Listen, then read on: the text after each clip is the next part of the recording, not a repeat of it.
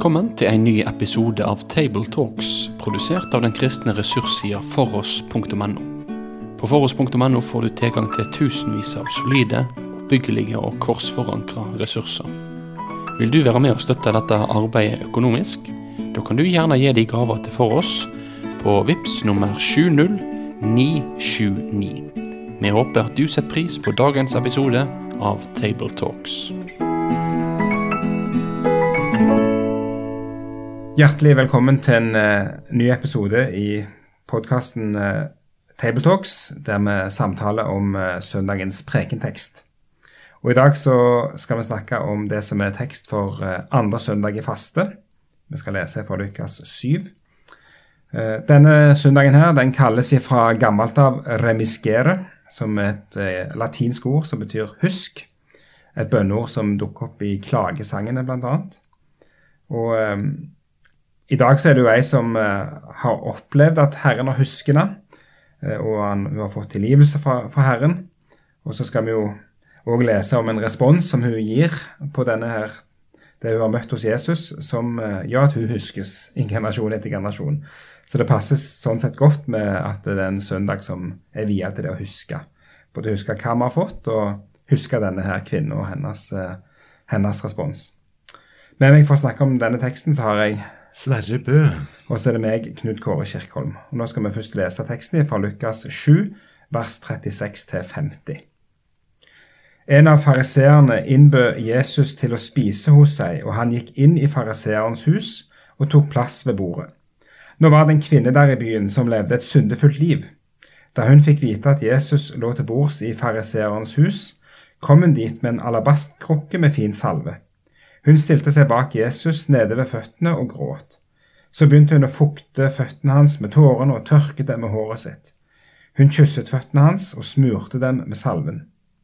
Da fariseeren som hadde innbudt ham, så det, tenkte han med seg selv.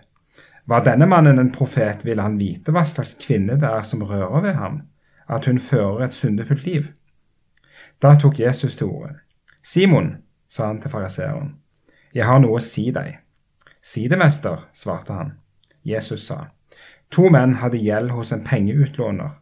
Den ene skyldte 500 denarer, den andre 50. Men da de ikke hadde noe å betale med, etterga han dem begge gjelden. Hvem av dem ville da holde mest av ham? Simon svarte, den han etterga mest, tenker jeg. Du har rett, sa Jesus. Så vendte han seg mot kvinnen og sa til Simon, ser du denne kvinnen? Jeg kom inn i ditt hus. Du ga meg ikke vann til føttene mine, men hun fuktet dem med tårer og tørket dem med håret sitt. Du ga meg ikke noe velkomstkyss, men helt fra jeg kom, har hun ikke holdt opp med å kysse føttene mine. Du salvet ikke hodet mitt med olje, men hun smurte føttene mine med den fineste salve. Derfor sier jeg deg, hennes mange synder er tilgitt, derfor har hun vist stor kjærlighet. Men den som får lite tilgitt, elsker lite. Så sa han til kvinnen, syndene dine er tilgitt. Da begynte de andre gjestene å spørre seg selv, hvem er han som til og med tilgir synder? Men Jesus sa til kvinnen, din tro har frelst deg, gå i fred. Vi har altså kommet til Lukas 7. Jesus han har begynt sin tjeneste, og Lukas forteller i tidligere kapitler om at han er i Galilea. Og vi leser om, om dette. Men så er jo det greiene at dette er jo en fortelling som har likhetsfortellinger andre plasser, og da foregår det helt, an, helt annen plass enn i Galilea. Så Sverre, du får prøve gjerne å nøste litt opp i dette her, for her er det mye. Ja.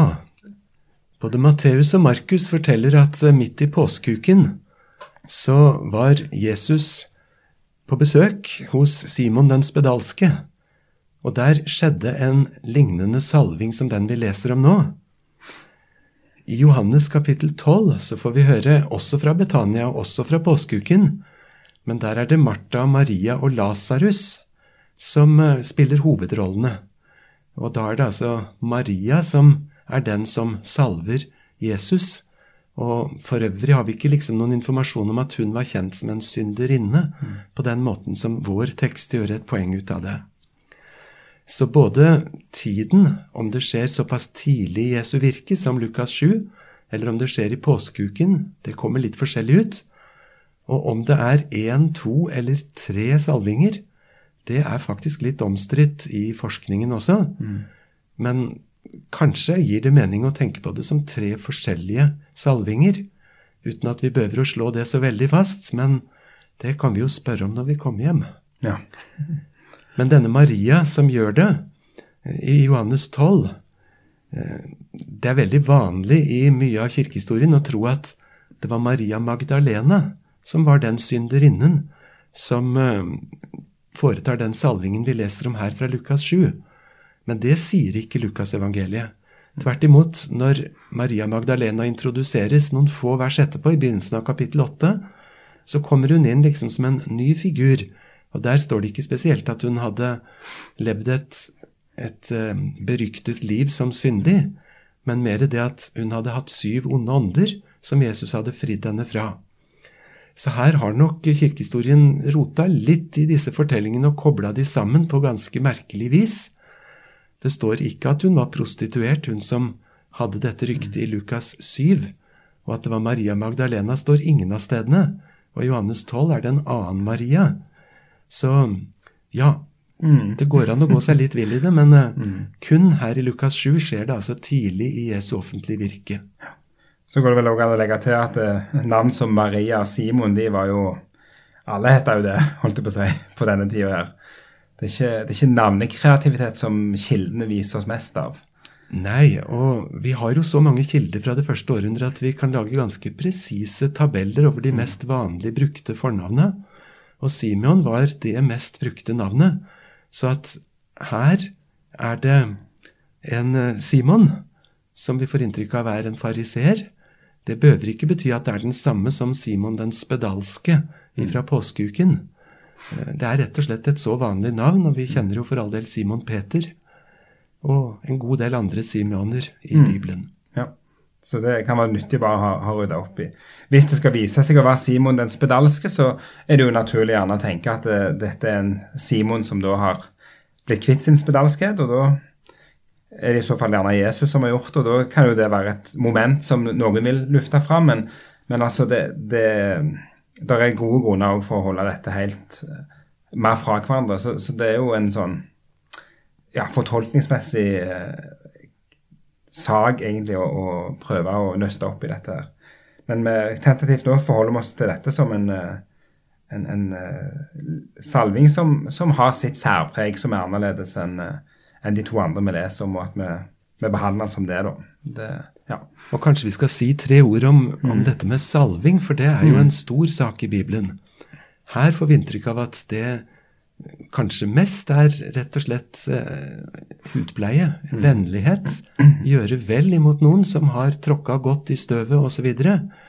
Men det er en voldsomt kostbar salve da, fra Egypt, Alabast, en by i Egypt, og kjent som en sånn litt eksklusiv og, og, dyr salve. Og det blir jo et stort poeng i de øvrige salvelsesfortellingene. Mm. Når det gjelder salving, så er det en lang forhistorie i Gamle Testamentet hvor ypperstepresten skulle salves, og konger ble salvet, og noen profeter ble det. Og selve ordet for å salve, det heter på hebraisk nettopp dette Messias, den som er blitt salvet.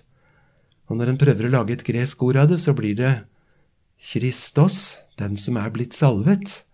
Så det er mange store linjer i det. Mm.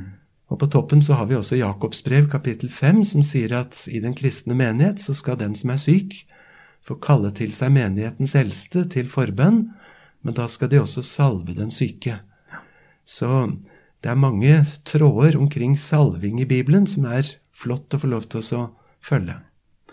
Godt poeng. Eh, en annen ting som slo meg litt når jeg leste denne teksten, er jo dette her med det som prøver å se for seg dette tablået eller denne scenen. Eh, kunsten har jo gjort mange forsøk, og jeg har sett noen bilder der, der, Jesus sitter i en stol, og så kommer hun nærmest med vass, eller hun kommer liksom og kneler ned ved føttene. Eh, da er det hun og Jesus som er vendt mot hverandre, og hennes rygg er vendt vekk mot alle de andre i rommet. Men sånn som det står beskrevet her, så ligger jo Jesus til bords. Hun stiller seg bak han ved føttene hans. Og da er jo det naturlige å se for seg er jo at de ligger liksom i en slags halvsirkel her. og, og, og, og hun stiller seg bak Jesus, og da er blikket hennes eller ansiktet vendt innover i, i sirkelen mot de andre. Eh, og, og det, for meg så ble det liksom Denne scenen voldsomt off offentlig. Hun griner, hun skjemmer seg ut egentlig offentlig langt på vei uh, i, i, denne scenen. Og, og likevel så gjør hun det helt uh, uten tilsynelatende noen motforestillinger. Dette er hennes spontane reaksjon i møte med Jesus. Dette det, det, hun, hun, kobler ut nærmest alle de andre. Uh, og, og klart ja, eh, Simon ble jo helt åpenbart brudd av denne situasjonen. Men det er jo ikke ei som har lista seg inn og liksom tilfeldigvis noen få ser. Dette synes å være en ganske sånn synlig hendelse i, i dette her eh, litt fine huset, da, sannsynligvis, som Simon bor i. Ja, men Det er et godt poeng, og la oss gjerne bruke litt tid på å se for oss selve scenen. Jeg tviler på om hun var invitert til det mm. selskapet, så på en eller annen måte har hun brutt inn i det. Og hun har ikke egentlig hatt publikum for øye. For henne var det Jesus hun skulle ha med å gjøre. Mm. Nå fant hun ham. Og at de andre var der, det tok ikke anledningen bort for henne. Men for å si det veldig Mathias Orheimsk, så når jeg og Jesus aleine er For henne så var det Jesus og hun som var der. Mm. Og at det var mange tilhørere og tilskuere, det er sånn sett underordna. For det er Jesus jeg har noe med å gjøre i denne sammenhengen. Mm. Og en, en, jeg leste her i, i forberedelsene, var òg at uh, du kan egentlig tenke deg, Det er to religiøse ledere som er samla i et rom. De kommer i kontakt med ei syndig dame. Den ene de har et rettferdighetsbegrep som gjør at han har behov for å trekke seg unna og avvise og stille spørsmålstegn ved hennes nærvær.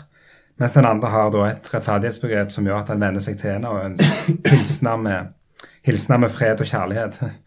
Og der kan en jo stille seg et spørsmål òg. Hvem er jeg? Eh, hvem vil jeg være av de to? Så du får den der Jesus og fariseeren egentlig tydelig på spissen gjennom scenen. da. Ja, men kanskje er dette et viktig poeng for meg selv og noen til. Vi tar så lett både tilskuerrollen og bedømmerrollen. Altså gir vi stilkarakterer til hverandre for måten vi opptrer i møte med Jesus på. Og ingen av oss syns vi skal oppføre oss sånn, gjør vi vel det? Eh, tvert imot så er det jo et stort forbilde å være så til stede tett med Jesus at egentlig alt annet blir eh, uvesentlig. Så der er det i seg sjøl et godt poeng og et fint forbilde. Mm. Men hovedpoenget i teksten er vi gjerne enige om at det kommer et uttrykk gjennom denne her lille lignelsen som Jesus forteller, og det gjør han jo egentlig Så Simon har bare tenkt, men Jesus har jo forstått hva han har tenkt. Og jeg ser for meg at det, han arresteres jo litt kjapt her når Jesus stiller dette spørsmålet. For det handler jo om hvordan er det vi reagerer på hvordan er det vi reagerer på tilgivelse. Det er jo strengt tatt det som blir et poeng her med disse her, denne lille lignelsen. Og det er et kjempepoeng for den som har tid og setter seg med en bibelordbok og leter etter ordet tilgi, tilgivelse. Mm. Så blir det jo side opp og side ned med henvisninger både i Gamle testamentet og Nytestamentet. Rett og slett regnskapet med Gud. Jeg leste et sted at noe sånt som 60% av Jesu lignelser handler om regnskap, penger og business. Og Jesus nølte ikke gang etter gang med å framstille vår historie med Gud i form av penger, regnskap, gjeld, skyld og om mulig tilbakebetaling. Mm. Og nettopp fordi det ikke er mulig med tilbakebetaling ifra oss som står i gjeld, så blir alt knytta til at Gud må tilgi. Og det kommer jo midt i Fader vår som et sentrum. Både at vi må få lov til å bli tilgitt, og at vi da må bringe videre tilgivelsen til våre medmennesker. Mm. Og, og, klart her, Det kan være greit å bare nevne det. altså En, en denar er dagslønn. Så det er klart Når det er både 50 og 500 denarer som nevnes her, så er det betydelige pengesummer det er snakk om. Det er ikke noe sånn ører her. Det er mye penger. Nei, og enda en annen gang så dro jo Jesus til med Talentene. med talenter, sånn at det blir et halvt statsbudsjett. Ja, og da er jo poenget overtydelig at vår gjeld til Gud er ikke bare en årslønn eller to, men det mm. er uh, helt hinsides. Mm. Og her ble jo poenget da hvem elsker mest? Og Simon svarer som rett er at det er jo den som får mest ettergitt, som blir mest glad i denne her herren som ettergir gjeld. Og så kommer da irettesettelsen fra Jesus i forlengelsen at eh, og, og der sto det meg, når jeg leste den på, på gresk, at uh, det er litt sånn rar ordstilling. altså disse her meg og du uh, og ditt, altså disse personlige og eiendomspronomenene, de, de stilles så langt fram i setningen som mulig hele tida. Og for meg så indikerer det en, måte en sånn understrekning av at uh, hun er sånn, du var sånn, hun er sånn, du var sånn. Så at Jesus veldig sånn sterkt tegner opp en sånn kontrastbilde av de to. Og at det er noe som, som Lukas gjennom et ordstillingsgrep forsterker, eh, var mitt inntrykk når jeg leste gjennom det. da. Eh, så det måtte den Ja, to har møtt to stykk her som, som møter Jesus, og, og, og, så reagerer de så forskjellig fordi at den ene han eh, tilsynelatende tror iallfall at han har mindre gjeld enn hun andre. Ja, det er så stort et poeng. Da minnes jeg et fantastisk uh, møte med en uh, god bibellærer på bedehuset en gang, som jeg var ung. Han tegnet ut denne teksten, og så sa han det så enkelt. Lite behov gir lite nåde. Ingen behov gir ingen nåde. Og stort behov gir stor nåde. Og så var spørsmålet hva fyller du og jeg livet vårt med? Mm skal det fylles med mye av Guds gode nåde, så henger det sammen med det at vi virkelig har innsett vår konkurs innenfor Gud. Og det er ingen andre som løser dilemmaet enn han. Hos deg er tilgivelsen for at du må fryktes. Ja, sant. Mm. Og, og, her er det jo eh, sånn at eh, de tingene som, som eh, ikke har blitt gjort, da, eh, fra Simons side, det, det, er vel å regne som vanlig gjestfrihet, sånn som jeg har forstått det. Og at eh, hva ligger i det, da, det kan en jo spørre. Og det at Simon ikke gjør det, er det en slags sånn Du er aller nådigst gjest hos meg, Jesus, eller er det en forglemmelse? Er det Ja. Det er jo sånne spørsmål en kan stille, men, men det er iallfall en sånn En form for forsømmelse iallfall hos eh, Simon som, eh, som kommer til uttrykk her. Han har ikke brydd seg så mye, kanskje. Eller jeg vet ikke. det det blir i hvert fall en enorm kontrast til kvinnen som til de grader går mm. utenom vanlige vertskapsplikter. Mm. Hun har ikke holdt opp med å kysse føttene mine fra hun kom inn. Mm. Og det er ikke noen krokodilletårer som skal til for å vaske føtter. Altså, det er en strøm. Mm. Som det heter i en av salmene, som kanskje overdriver litt, at jeg gråter så masse at senga mi drypper. Ja. Eh, vi aner strie strømmer. Mm. Så kontrasten må ha vært voldsom. Ja, det må være det. Og det slo meg det igjen at uh, disse fødene her er jo på ingen måte av den delikate typen, regner jeg med. Det er jo vandringsføder som har vært i sandaler på støvete veier og under sol og høy temperatur. Så, så, så og, og, vi vet jo det fra kulturen der at det, det å vaske føtter var jo slavens jobb. og hun det er, en det er utrolig sterkt uttrykk for, eh, for en Kall det underkastelse, eller en, en, eh, Det er jo kjærlighet da, som er poenget her. At du fullstendig eh, hengir seg til, til, Jesus. Så leste jeg òg, eh, det kan gjerne du kommentere på Det er noen som har spekulert om det ligger noe erotisk i dette her, men det tror jeg vi kan avvise ganske, ganske greit. Ja, den spekulasjonen ser vi stadig vekk. og det er i hvert fall ikke det som er poenget i det som skal framstilles her. Nei. Det framstilles eh, uten følelse av blygsel. Altså, sånn gjorde hun. Og ikke som noe mer enn en oppriktig, hjertelig, dyp mm. anger. Ja, det tror jeg. Og det kan gjerne tas inn på det aller siste problemstillingen vi har, og det, som, som kanskje kan dukke opp her. Altså, hva er forholdet mellom hennes handling og den tilgivelsen som hun får av Jesus? Er det hva kom først her? Og det er ikke sånn Ja, det kan, det kan Nei, diskuteres. Våre norske bibeloversettelser hjelper oss når de sier 'hennes mange synder er henne forlatt, derfor elsker hun meget'. Dette ordet 'derfor' det er et gresk ord som like så ofte betyr 'fordi' eller 'at'. Hvis det skulle stå 'fordi', så ville det høres ut som hun ble tilgitt fordi hun på forhånd hadde elsket så inderlig. Mm. Og at det er opp til oss å elske Gud så hjertelig at Gud tilgir oss som en lønn mm. for vår kjærlighet. For Martin Luther var dette en enorm kamp. For han kjente på det at hjertet er så delt. Jeg elsker ikke så helhjertet som jeg skulle, og jeg frykter ham ikke så helhjertet som jeg skulle. Og hvis jeg bare får nåde i samsvar med hvor mye jeg klarer å elske, så kommer jeg feil ut og usikker på om det i det hele tatt bærer. Eh, men altså dette lille greske ordet 'hotti', det kan bety både 'fordi', Mm. det kan bety 'derfor', og det kan bety 'at'. Og da må vi prøve å lese dette lyset, dette verset, i lys av andre ord Mm. som sier noe om det. F.eks. når Jesus møter en annen synderinne i Johannes 8. Heller ikke jeg fordømmer deg. Punktum. Mm. Gå bort og synd ikke mer fra nå av. Hvis rekkefølgen var den motsatte, så ville det vært sånn som alle religioner sier.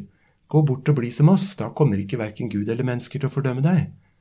Men hos Gud så kommer kjærligheten til den ufortjent. Mens vi ennå var syndere, døde Kristus til fastsatt tid for ugudelige. Mm. Han rettferdiggjør den ugudelige, ikke den som har oppnådd et anerkjennende nivå. Så saklig sett så blir det ganske viktig, dette. Det gjør det. Og, og her blir det òg et Jeg tenker vi får en veldig god hjelp av den lille notisen til slutt. Din tro har frelst deg. Gå i fred. Det, det er ikke din kjærlighet som har frelst deg her, det er din tro som har, eh, har frelst denne her, her dama. Så det, det hjelper oss jo òg litt i, i, i denne her navigasjonen i, i dette her. Men altså det, det er iallfall ikke sånn at det Det er et gresk ord som i hvert fall kan kan misforstås eller misforstås, som gjerne reiser noen spørsmål. og Det var tenkt er viktig at vi får, får tatt, tatt inn her i, i helheten. Og så er det jo interessant, denne responsen. Sant? Hvem er han som til og med tilgir undrer? Det er jo en respons vi gjenfinner i Lukas 5, bl.a., når uh, denne lamme mannen senkes ned. Uh, så det er jo uh, en av disse standardresponsene på, på Jesus. da, altså de undrer seg, og her spør de òg hvem er han eh, Og de merker seg at han tilgir synd. Eh, og det er jo den Det er jo den På den måten så gjør han jo den gjerning som bare Gud kan gjøre, og, og det blir jo en del av eh, en del av provokasjonen, egentlig. Ja, Dette er ikke bare et lite bimotiv, det er virkelig et tungt motiv. Jesus er Gud. Som Guds sønn så kan han tilgi. Ikke bare si 'jeg håper at Gud vil gjøre det', men han tilsier det. Og det, det er sterke ord. Mm. Så hovedpersonen i teksten blir jo faktisk han som har myndighet, og bruker myndigheten Mm. til å løse mennesker i samvittighetsnød. Mm. Til slutt, hvis du skal tale ved teksten, eh, eller hva, hva vil du legge trykket på? Ja, jeg vet ikke om det er så mange andre, men i hvert fall jeg har mange ganger i livet stoppa opp og liksom sett på disse forbildene og tenkt nå må jeg gjøre sånn som de, og få det til sånn som de. For jeg vil jo gjerne få den samme nåden. Og så kjenner jeg at jeg angrer ikke så dypt som den kvinnen. Mitt hjerte er mer lunkent og delt. Jeg husker godt da jeg som tolvåring, kanskje 13-åring, sto i en sånn oppriktig personlig konflikt. Jeg var en forholdsvis lydig gutt som gikk masse på møter. Men på møtene så hørte jeg jo det at Gud ser bak fasaden. Han ser til hjertet. Det var ikke nok for meg å være en vellykket fariser. Og så husker jeg jeg sneik meg inn på soverommet til foreldrene mine. Og så prøvde jeg å få det til å ligne så akkurat på lille gutten Samuel, som sa 'Tal, Herre din tjener hører'. Jeg prøvde å reie opp ekstra pent i senga og legge sengetøyet sånn at det skulle se ut sånn som på bildet av Samuel, og knele i akkurat riktig vinkel, sånn at jeg skulle gjøre som Samuel for å være sikker på at nå gikk jeg den bibelske veien. Det høres komisk ut i ettertid, men jeg må bare tilstå 50 år seinere at jeg plundrer med det samme. Jeg vet fortsatt ikke hvordan jeg skulle tre fram for den hellige Gud på en sånn måte at jeg skulle imponere ham. Men jeg skal jo slippe å imponere han, verken med min eh, kreativitet eller med min sentimentalitet eller metode. Mm. Jeg må rett og slett komme og si, så lunken og kald og delt som jeg er, så mener jeg å si til deg, Jesus, kan du tilgi meg også? For uten din tilgivelse så står jeg aldeles i minus. Men med tilgivelsen så er jeg i pluss. Fint poeng. Og da får vi jo egentlig sagt 'kom som du er'. Det er jo det som er et viktig slagord i vår, i vår tradisjon. Og det er definitivt det som denne kvinnen her gjør i dagens, eh, dagens prekentekst. Hun kommer akkurat eh, i den situasjonen hun er i, og legger ikke skjul på noen ting. Og prøver ikke å ha fasade i det hele tatt. Så, sånn sett er det jo en veldig frigjørende, frigjørende tekst som sier noe utrolig fint om Jesus.